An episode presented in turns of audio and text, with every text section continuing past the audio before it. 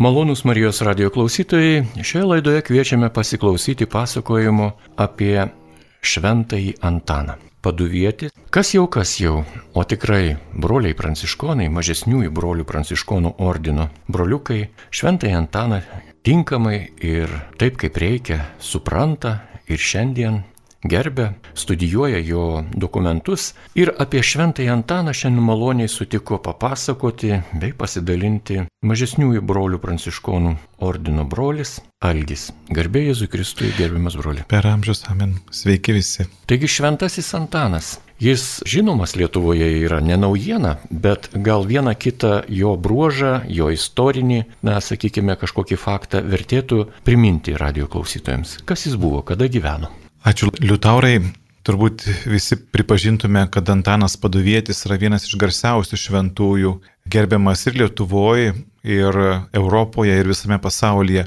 Praktiškai užėję į bet kurią katalikų bažnyčią mes rasime, tikrai rasime Švento Antano Paduviečio, ar tai skulptūrą, ar tai paveikslą, dažniausiai su kūdikėliu Jėzumi, arba kartais laikantį rankoje monstranciją ir gerbinti Eucharistiją. Antanas Paduvietis, gerbiamas ypatingai Lietuvoje Kretingoje, taip pat ir Vilniuje buvo jo istorinis paveikslas Bernardinų bažnyčioje ir tikimės, kad tikrai jisai ir sugrįš, kuriame jis taip pat laiko kūdikėlį Jėzų ant savo rankų. Ir tai ikonografija mums liudija, kad Antanas Paduvietis be galo mylėjo Jėzų ir be galo mylėjo Jėzų Euharistijoje.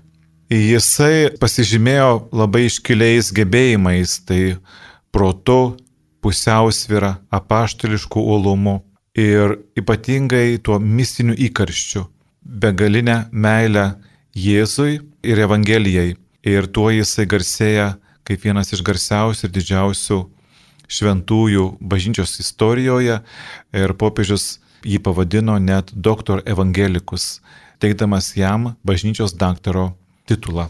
Antanas Paduvietis, jie esame įpratę vadinti Paduviečiu, kadangi jisai paskutiniuosius savo gyvenimo metus praleido Paduvoje, Italijoje, tačiau jis iš tiesų yra Portugalas. Jisai gimė Lisabonoje, kilmingoje šeimoje apie 1195 metus. Ir jo krikšto vardas yra Fernando. Kiek vėliau, ieškodamas savo tapatybės ir pašaukimo, jis įstoja į Šventojo Augustinų vienuoliškosios regulos besilaikiusi kanauninkų ordiną Lisabonoje. Po to kiek vėliau persikelia į Koimbros miestą, garsų tuo metu Portugalijos kultūros centrą ir atsideda Biblijos bei bažnyčios tėvų studijoms ir ten įgyja teologijos žinių. Ir Koimbros mieste, jam ten studijuojant ir gyvenant Augustinijonų vienuolynę, įvyksta toks lemtingas įvykis jo gyvenime. Jisai pamato pir, vienus iš pirmųjų brolių pranciškonų, kurie apsistoja Koimbros vienuolynę pakeliui į Maroką, į Afriką. Jie ten keliavo skelbti Evangelijos musulmonams. Tie broliai apsistojo ir keletą dienų viešėjo Koimbros vienuolynę ir po to po keletos mėnesių 1220 metais jau tų brolių palaikai, relikvijos buvo parvežtos iš Maroko ir, ir vėl buvo pagerbiamos Koimbros vienuolynė, kadangi tie pirmieji broliai pranciškonai Marokė miršta kankinio mirtimi. Tai labai paliečia Antaną Paduvietį, Fernando dar tuomet. Ir ta misionierių istorija uždegė jaunai Fernando troškimu sekti jų pėdomis ir žengti krikščioniško tobulumo keliu. Taigi jis 1221 metais paprašo Augustino kanauninkų ordino galimybės palikti šią vienolyją ir tapti mažesniųjų brolių. Jo prašymas buvo patenkintas, jisai pasirenka Antano vardą ir patraukia į Maroką tų pirmųjų pranciškonų kankinių pėdomis. Tačiau Faiza taip sutvarko ir jam buvo numačiusi kitą kelią, kad jo, jų laivas kuriuo jie plaukė į Maroką, buvo nublokštas prie Italijos krantų, dėl lygos jisai, jisai lieka Italijoje ir lygiai prieš 800 metų, 1221 metais, Asižyje dalyvauja garsiojoje, taip vadinamoje brolių pranciškonų palapinių kapituloje, kurioje jis susitinka su pranciškumi Asižiečiu. Ir po to kurį laiką gyvena atsiskyręs e, vienolinė Šiaurės Italijoje netoli Forli, kur viešpats jį ir pašaukė visai kitai didingai užduočiai. Visiškai netikėtomis aplinkybėmis jis buvo pakviestas sakyti pamokslo išventinimo į kunigus progą ir broliai išgirsta, kad jis yra ypatingai apdovanotas žinomis ir iškalba. Ir tuomet vyresnieji jį paskiria pamokslininko tarnystėje. Taigi Antanas Paduvietis Italijoje ir Prancūzijoje intensyviai pamokslauja, apaštolauja ir savo pamokslais atverčia daug žmonių į katalikų tikėjimą. Ir jis taip pat buvo vienas iš pirmųjų mažesniųjų brolių ordino teologijos mokytojų. Kai Pranciškus Asižytis supranta, jog atremti eretikų ir, ir klaidatikių pamokslams reikalingas ir mažesniųjų brolių išsilavinimas, tuomet jisai pasiunčia mažą laiškelį Antanui Paduviečiui ir jame būtent padrasina Antaną Padovietį pirmosius brolius mokyti teologijos. Jisai rašo taip, man patinka, kad tu mokai brolius teologijos. Taigi Antanas Paduvietis padeda pagrindus pranciškoniškai teologijai ir toliau iš jo semėsi žinių ir teologijos tokie gars garsus pranciškonai kaip Bonaventūra arba Dunsas Škotas.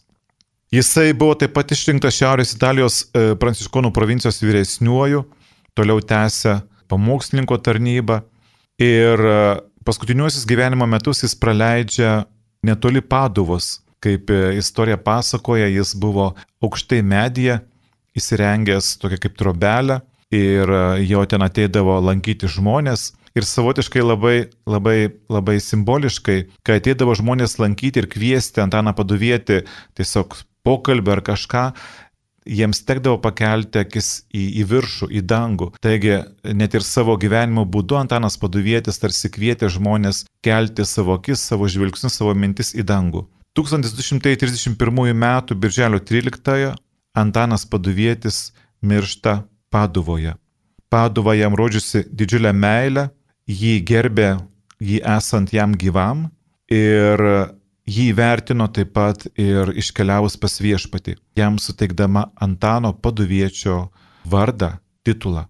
Popiežius Grigalius IX, kuris klausėsi Antano paduviečio pamokslų, jį pavadino testamento arka.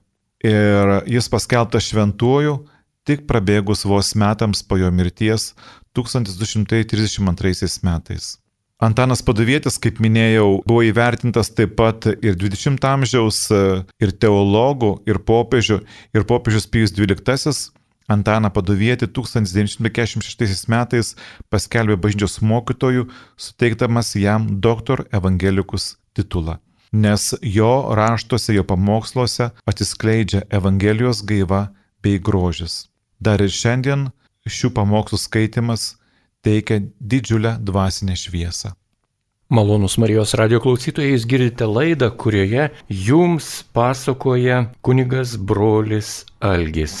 Ir jis pasakoja apie šventąjį Antaną Paduvietį, testamento arką. Taigi šventasis Antanas yra nepaprastas šventasis, O lietuvių tauta, lietuviai katalikai ir turbūt krikščionys, kurie gyvena čia, šiuose kraštuose, šventąjį Antaną šiek tiek pažįsta. Gerbiamas kunigė, šios laidos pradžioje jūs paminėjote tokius dalykus. 800 metų jau praėjo nuo palapinių susirinkimo arba kapitulos. Koks tai buvo susirinkimas, ką jisai tuo metu lėmė ir kokią jisai žinią skleidė tuo metu, gal aktualus ir šiandien? Tai buvo viena iš pirmųjų brolių pranciškonų tokia kapitula išplėstinė, į kurią buvo kviečiami visi broliai. Jinai vyko Asyžėje 1221 metais, sėkminių šventės metu. Į ją buvo susirinkę virš 5000 brolių pranciškonų.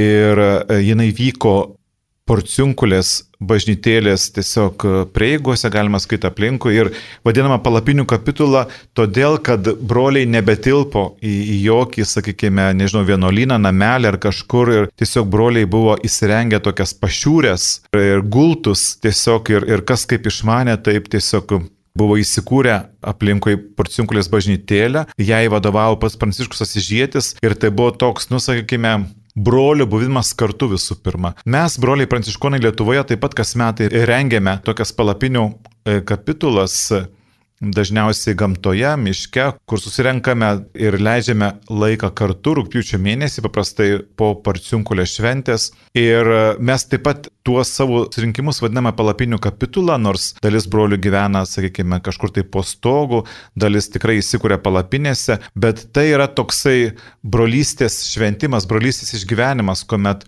kuomet mes susirenkame, paprastai ta palapinių kapitula neturi jokio ten sprendžiamojo balso ir taip toliau, ji nėra tokia daugiau pabūti kartu, švesti brolyje, dažnai pasikviečiame kažkokį tai kalbėtoją, ar tai iš Lietuvos, ar užsienio šiai palapinių kapitulai ir daugiau gilinamės, ką reiškia būti broliais pranciškonais 21 amžiuje, kaip skelbti Evangeliją, kuo gyvena visuomenė, kuo gyvena žmonės.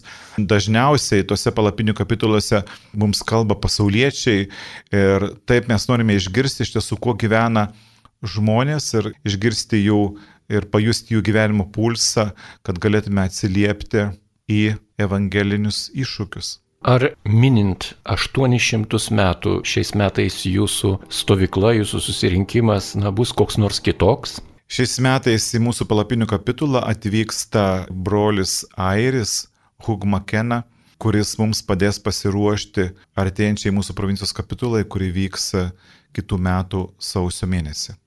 Tai spūdingi dalykai vis tiek, taip. Taip. Ar daug žada dalyvauti brolių? Paprastai dalyvauja virš 20, tai Tai šiais laikais tai labai didelis skaičius. Taip, taip, taip. Taigi, gerbiami radio klausytojai, jūs girdite laidą, kurioje pasakojame apie šventąjį Antaną iš Padujos, paduvietį, taip lietuviškai tariant. Jūs minėjote ir tai, kad šventasis Antanas turėjo ypatingą privilegiją, jisai buvo paskirtas vyriausiojų pamokslininkų. Ar šis titulas ir dabar pas jūs yra brolyjoje vienuolynė, ar tuo metu tai buvo tik tais tam tikras, na, toks reikalingas misijos apibendrinimas ir apibrėžimas. Ir ką tai reiškia? Šventojo Pranciškos Asižiečio buvo paskirtas kaip ir tokiu vyriausiu teologijos mokytojų pirmuoju broliams. Teologijos, kadangi tuo metu, sakykime, nebeužteko vien tik tokio, sakykime, pamokslavimo, latiniškos terminas toks yra ex abundancija cordis, reiškia iš širdies, atviros širdies dosnumo, bet jau reikėjo kalbėti, sakykime, ir argumentuotai pagrysti Evangelijos tiesas, katalikų bažnyčios mokymą, nes kadangi tuo metu Europoje vyravo ir, ir tokie sakykime, eretikai, kaip katarai, valdiečiai, kurie dažnai labai, labai argumentuotai ir, ir labai tikinančiai pamokslaudavo, o broliai pranciškonai pačioje pradžioje daugiau remdavosi vien tik tais malda ir neturėjo tų, tų sakykime, teologijos studijų. Tai Pranciškus Asižėtis kreipiasi į Antaną paduvietį, kaip minėjau, jam parašo tokį labai labai trumpą laiškelį, sako, man patinka, kad tu brolius mokai teologijos ir taip suteikia jam tokio kaip pirmojo teologijos mokytojo, sakykime, statusą tam, kad, kad galėtų brolius mokyti teologijos ir kad jie galėtų pamokslauti argumentuotai. Na ir dabar pats laikas būtų paminėti Šventojo Antano rašytinį palikimą ir yra žinoma, galbūt labai daug jo palikta, bet viešai yra skelbiama, jog jis yra parašęs tokias kaip ir knygas, kaip ir savadus. Viena iš jų vadinasi Sekmadienio pamokslai, o kitas veikalas vadinasi Pamokslai šventiesiems. Kokios tai knygos, ar Lietuvoje jos sutinkamos, ar randamos, kas juose rašoma ir taip toliau. Labai tiksliai pastebėjote, iš tiesų tikrai Antanas Padavietis jis parašė tokius du pamokslų ciklus. Kaip minėjote, vienas yra pamokslai sekmadienėms ir kitas pamokslai apie šventuosius. Ir jie abu buvo skirti Pranciškonų ordino pamokslininkams ir teologijos studijų mokytojams. Jisai visų pirma komentuoja liturgijos pateikiamus šventojo rašto tekstus Ir savo tuose pamoksluose jisai remiasi viduramžiams būdingų keturių rašto prasmių aiškinimu. Tai pirmoji prasme yra žodinės arba istorinė prasme, antroji alegorinė arba kristologinė prasme, trečioji moralinė prasme, ketvirtoji taip vadinama anagoginė arba kuri kreipia į amžinį gyvenimą Dievo žodžio prasme. Šiandien yra vėl atrandama, kad šios prasmės yra švento rašto vienos prasmės keturi tari kaip matmenys, kaip lygmenys, kaip dimensijos ir kad teisinga šventąjį raštą aiškinti ieškant jo keturių prasmių.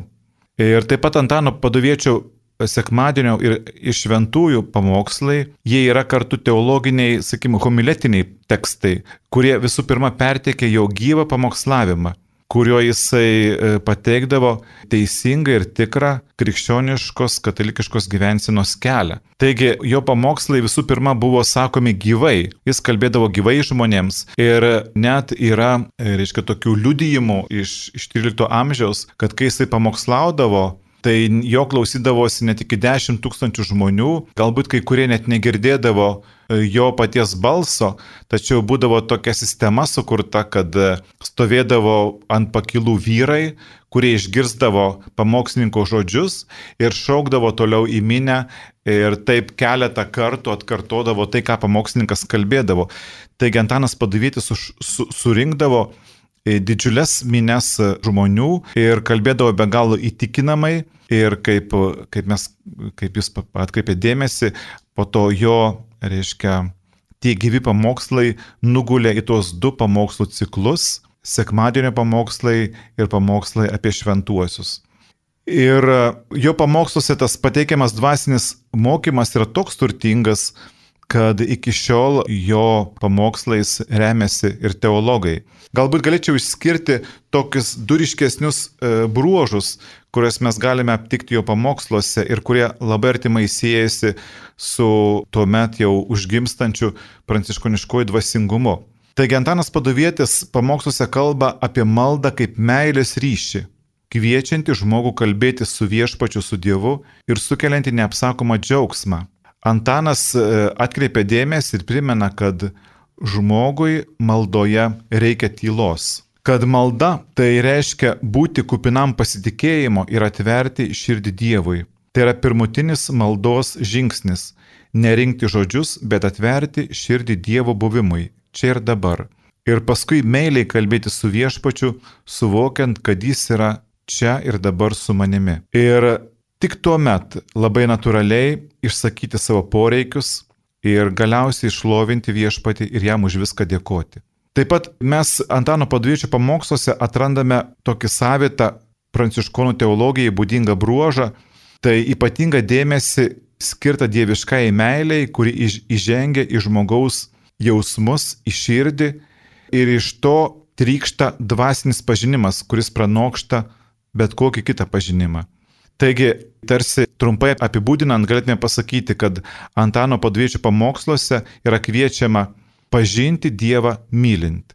Antanas paduvietis rašo, meilė yra tikėjimo siela, ji daro jį gyvą, be meilės tikėjimas miršta.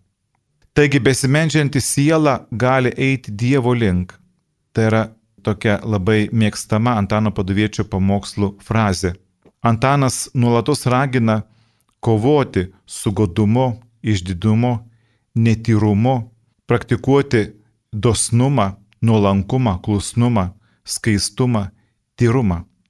Taigi tie dalykai buvo aktualūs XIII amžiaus pradžioje, kuomet atgyjo miestai, suklestėjo prekyba ir, kaip ir šiandien sakyčiau, padaugėjo žmonių, kurie buvo nejautrus vargšų reikmėms. Taigi Antanas Paduvėtis nekart kvietė tikinčiuosius galvoti apie tikruosius širdies turtus, kurie darė žmogų gerą ir gailestingą ir taip jam leidžia kaupti lobį danguje. Jisai pamokslaudamas sako, o turtingieji, būkite vargšų draugai, priimkite juos į savo namus, paskui jie vargšai sutiks jūs amžinuose būstuose, kur karaliaus taikos grožis, saugus pasitikėjimas ir amžiną pasitenkinimą teikianti apsti ramybė. Kitas Antano padaviečio pamoksluose išiškėjantis bruožas tai yra tai, kad jis visuomet į centrą stato Kristų. Kristo centriškumas. Tai taip pat labai būdingas pranciškonų teologijos bruožas. Antanas mielai kontempliuoja ir kviečia kontempliuoti viešpaties Kristaus žmogystę, žmogaus Jėzaus slėpinius ir ypač gimimo bei jo mirties ant kryžiaus slėpinį. Gimimas yra vienas iš pagrindinių Kristaus meilės žmonėjai taškas. Dievas iš begalinės meilės įsikūnijo, tapo žmogumi, tapo vienu iš mūsų, tam, kad arčiau, čia pat iš apačios galėtų paskelbti gerąją naujieną apie Dievo meilę. Bet taip pat ir Dievo mirtis ant kryžiaus įkvepia kiekvieną žmogų begalinio dėkingumo už Dievo meilę. Antanas Paduvėtis savo sekmadienio pamoksluose rašo, cituoju, Kristus, kuris yra tavo gyvenimas, kabo prieš tave, kad žvelgtum į kryžių kaip į veidrodį. Ten galėsi išvysti, kokios mirtinos buvo tavo žaizdos, kurių negalėjo užgydyti jokie vaistai, išskyrus Dievo sunaus kraują. Gerai pažvelgęs suvoksi, kokio didumo žmogaus kilnumo ir tavo vertė. Niekur kitur žmogus nesuvoks, koks jis vertingas, tik žvelgdamas į kryžiaus veidrodį.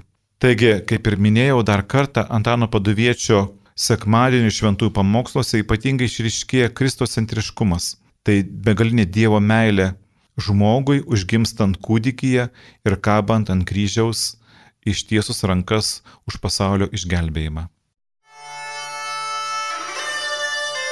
Su jumis Marijos radijas.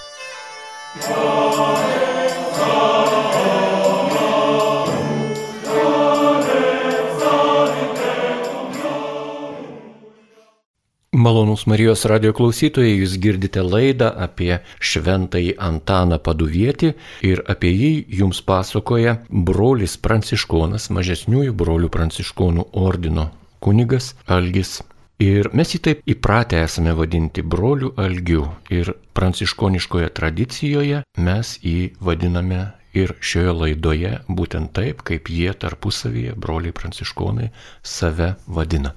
Klausimus kunigui broliui Algiui užduoda Liutauras Serapinas. Na ir tesdami laidą, pirmoje dalyje jau tikrai atskleidėme Šventojo Antano asmenį ir apie jo ypatingą svarbą katalikų bažnyčią auginant ir ką kitą Yra tam tikri padaryti tyrimai, atradimai ir 1981 m. relikvijų tyrimai atskleidė, jog šis šventasis buvo aukštas vyras, 1,90 m ūgio. Ir jis buvo, na, didelis vyras, žinant, kad Anksčiau, prieš tūkstantį metų žmonės buvo lik ir mažesnio ūgio, tai jis buvo milžinas. Ir pagal jo tyrimus, pagal jo relikvijų tyrimus buvo nustatyta, kad tai buvo ir gana kampuoto veido, stiprių kaulų sudėjimo vyras, buvo rudų plaukų.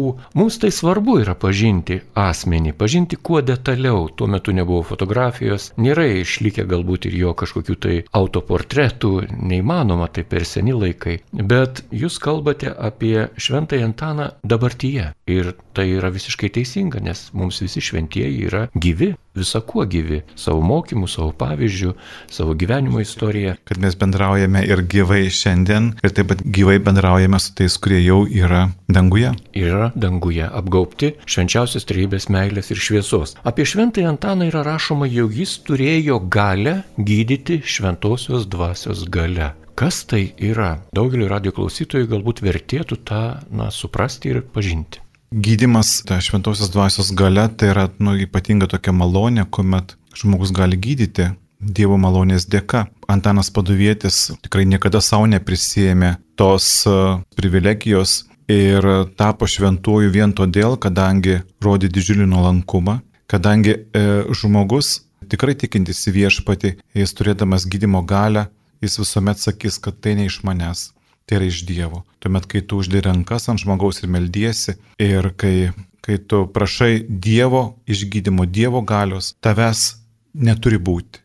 Turi būti tik tais šaukimasis Dievo pagalbos. Taigi Antanas Paduvėtis ir, ir tuomet tai prašoma, kad turėjo tą gydimo galę Bet ir šiandien, jeigu mes naitume, sakykime, ar telšių katedroje, ar kretingoje, ar pakutų vienuose, ar kitoj bažnyčioje, kurioje Švento Antano paduviečio atvaizdas, paveikslas arba skulptūra, mes galime rasti daug pakabintų votų, kuriuose bus rankos, kojos, širdis. Tai reiškia, kad žmonės meldėsi šio Antano, Antano paduviečio užtarimo šio šventojo užtarimo ir jie patyrė malonių. Neveltui toj garsioje gesmėje mes ir melžiamės grįžto pamesi daiktai, jūras lūks ir pančiai kris, jei karštai tik melksis iš šventojo Antano. Taigi tie pančiai būna įvairūs, tai gali būti ir lygos pančiai, tai gali būti ir nesantaikos pančiai. Taigi Antanas Paduvėtis anuomet turėjęs tam, tą malonę iš Dievo, ją, ją gydo žmonės iki šiandien. Dar viena bažnyčios skelbiama žinia, atminimas yra tai, jog šventasis Antanas paduvietis pranašavo, o taip pat ir turėjo tokią Dievo dovaną skaityti žmonių sielose tarsi atverstoje knygoje. Aš čia cituoju tiesiog tą sakinį. Kas tai yra? Mhm. Aišku, sunku mums šiandien jau prabėgus metų apie tai kalbėti, bet greičiausiai, jeigu amžininkų liūdimai tokie yra, tai kad jis kad jis galbūt turėjo taip pat malonę, kalbėdamasis su žmogumi, ar jam atliekant išpažinti, ar, sakykime, prašant dvasinio patarimo, kad išvelgdavo tiesiog žmogaus širdį. Tai taip pat yra kalbama apie šventąjį tėvą Pijų, iš Pietralčinos, kad jis taip pat turėjo tokią, tokią dovaną ir žmogui atliekant išpažinti, užmiršus, pavyzdžiui, kažkokią galbūt nuodėmę didelę ar taip toliau, tėvas Pijus tiesiog primindavo tam žmogui, kad, kad reikalinga išpažinti. Tai jeigu amžininkai taip kalba, greičiausiai Antanas Paduvietis tokią malonę turėjo. Na ir norisi dabar jau paklausti labai svarbaus. Kaip šiais metais broliai pranciškonai šves šventojo Antano paduviečio minėjimą, kokiuose vietose ir ar yra koks nors jau sudarytas planas, o gal kažką darysite kitaip negu praeitais metais? Tai tradiciškai bus švenčiama didelė Kretingos miesto šventė ir Antano atlaidai Kretingoje, kur dalyvaus ir mūsų broliai. Ir apie tai mes galime sužinoti pasiskaitę Kretingos e, pranciškonų puslapyje kretingospranciškonai.lt. Kviečiame dalyvauti. Jau taip yra, na, tiesiog priimta, kad žmonės į atlaidus, na, dažniausiai važiuoja ne vien tik tais pasimelsti iš širdies, bet ir susitikti su draugais, giminėmis, artimaisiais, paminėti savo šeimų kažkokią šventę, sukaktis, prisiminti. Na, ypatingai šio, sakykime, koronaviruso pandemijos metu žmonės buvo apriboti susitikimais. Manau, kad tikrai per šventąją Antaną daug žmonių susirinks, nes yra Antaninės. Kaip pranciškonai mini Antano vardą? Ar turite kokią tradiciją? Kaip jūs sveikinate Antanus? Nu visų pirma, antradieniais, e, pažiūrėjau, Kretingos bažnyčioje tai yra pamaldumas Antanui Paduviečiui. Dažniausiai Kretingoje vakaro mišių metu būna aukojamos e, mišios tai, tomis intencijomis, kuriomis žmonės prašo Antano paduviečio užtarimo, bei paskui prie švento Antano paveikslo yra kalbama litanija, melžiamosi maldos. O šiaip tai, nu, sveikiname vieni kitus su Antaninėmis, kažko labai ypatingo gal ir neturime, bet čia kiekvienas žmogus gali sakykime, pasitelti savo fantaziją ir, ir kažkaip tai kūrybingai pasveikinti Antaną ar Antaniną. Tikrai gražus lietuviški vardai - Antanė, Antanina, Antanas. Na, lietuviškai taip skamba, žemaitiškai ne iš A raidės, iš O. Na, bet vis tiek visi suprantame, kad tai yra Šventojo Antano vaikai ir vaikaičiai. Ontanis, Untuans. Taip. taip. Ir gerbiamas broli Algi, jeigu taip dabar grįžti prie šventųjų bendravimo ir, na, tokio, kaip sakyti, tokio gilesnio supratimo, kas tai yra. Nes kartais kyla tokie klausimai ir mokime bažnyčios tai yra labai svarbu, kad mes užmirštame apie Kristų, užmirštame apie Dievą trejybėje, o einame ir maldaujame Antano arba Šventojo Pranciškaus arba Teresės ar kitų šventųjų ir liktai taip, na, lik ir iš šona Dievas nueina. Kad to nebūtų arba, o gal čia nieko blogo yra, čia žmogiškai gal suprantama yra. Taip yra labai svarbu ir, ir bažnyčia kalba apie tai, kaip turi būti evangelizuoti atlaidai, evangelizuotas pamaldumas e, prašant šventųjų užtarimo, taip pat ir mergelės Marijos užtarimo. Evangelizuotas tai reiškia, kad sugražinti Evangeliją į, į tuos šventimus ir labai svarbus yra dalykas, sakykime, suvokti melžiantį šventųjų užtarimo, kad mes melžiamės ne į tą šventai, bet prašome jo užtarimo. Jo užtarimo. Tai kai būtų, pavyzdžiui, nežinau, liutaurai, sakykime mane, man sunku, aš sergu galbūt ir aš sakau, būk geras, ar tu gali irgi už mane pasimelsti, aš pats melsiuosi viešpaties išgydymo, malonės, sveikatos, kažkokio lengvumo širdyje, bet ar gali ir tu už mane pasimelsti.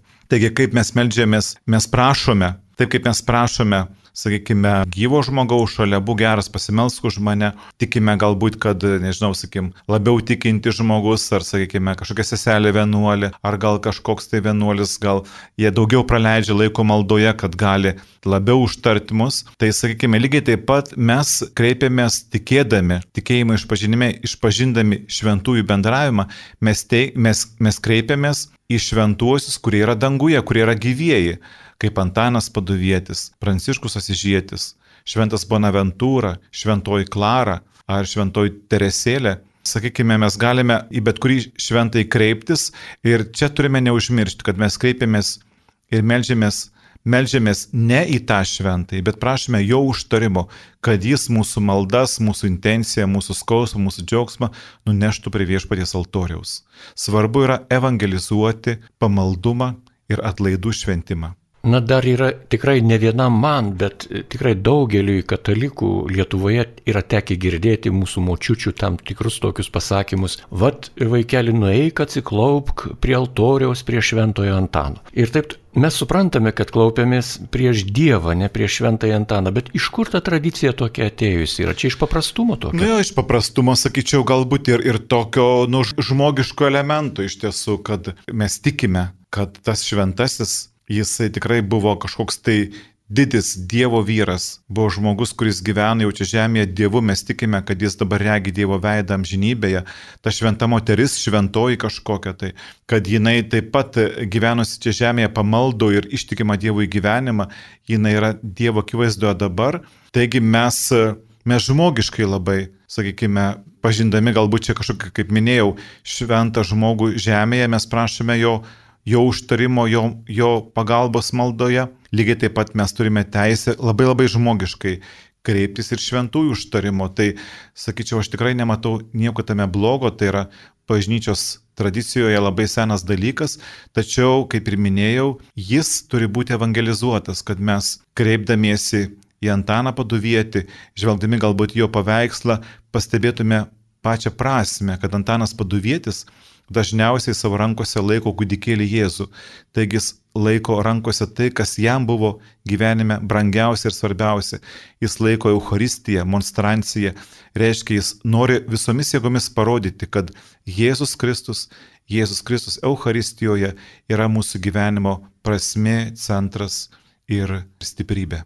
Tikrai popiežiai nebereikalo asmenį žmogų nuodėmingą ir taip toliau silpną, mirtingą pavadino testamento arką ir mums tai sako, kas tuose žmonėse buvo ta, taip, taip, taip, taip. ta nemirtinga dalis, ta šventa dalis. Manau, kad Antanas Paduvėtis bus labiausiai laimingas, jeigu mes, kaip ir jis sako savo pamoksluose, jeigu mes kreipsimės savo širdimi į Kristų jeigu mes tenksimės užmėgsti su juo meilės ryšį, jeigu mes tenksimės tiesiog mistiškai pasi, pasinerti į Kristaus meilės liepinį, tuomet Antanas Paduvėtis bus pats laimingiausias ir, ir džiaugsis, kad jo gyvenimas čia žemėje, jo pamokslai tikrai pasiekė savo tikslą.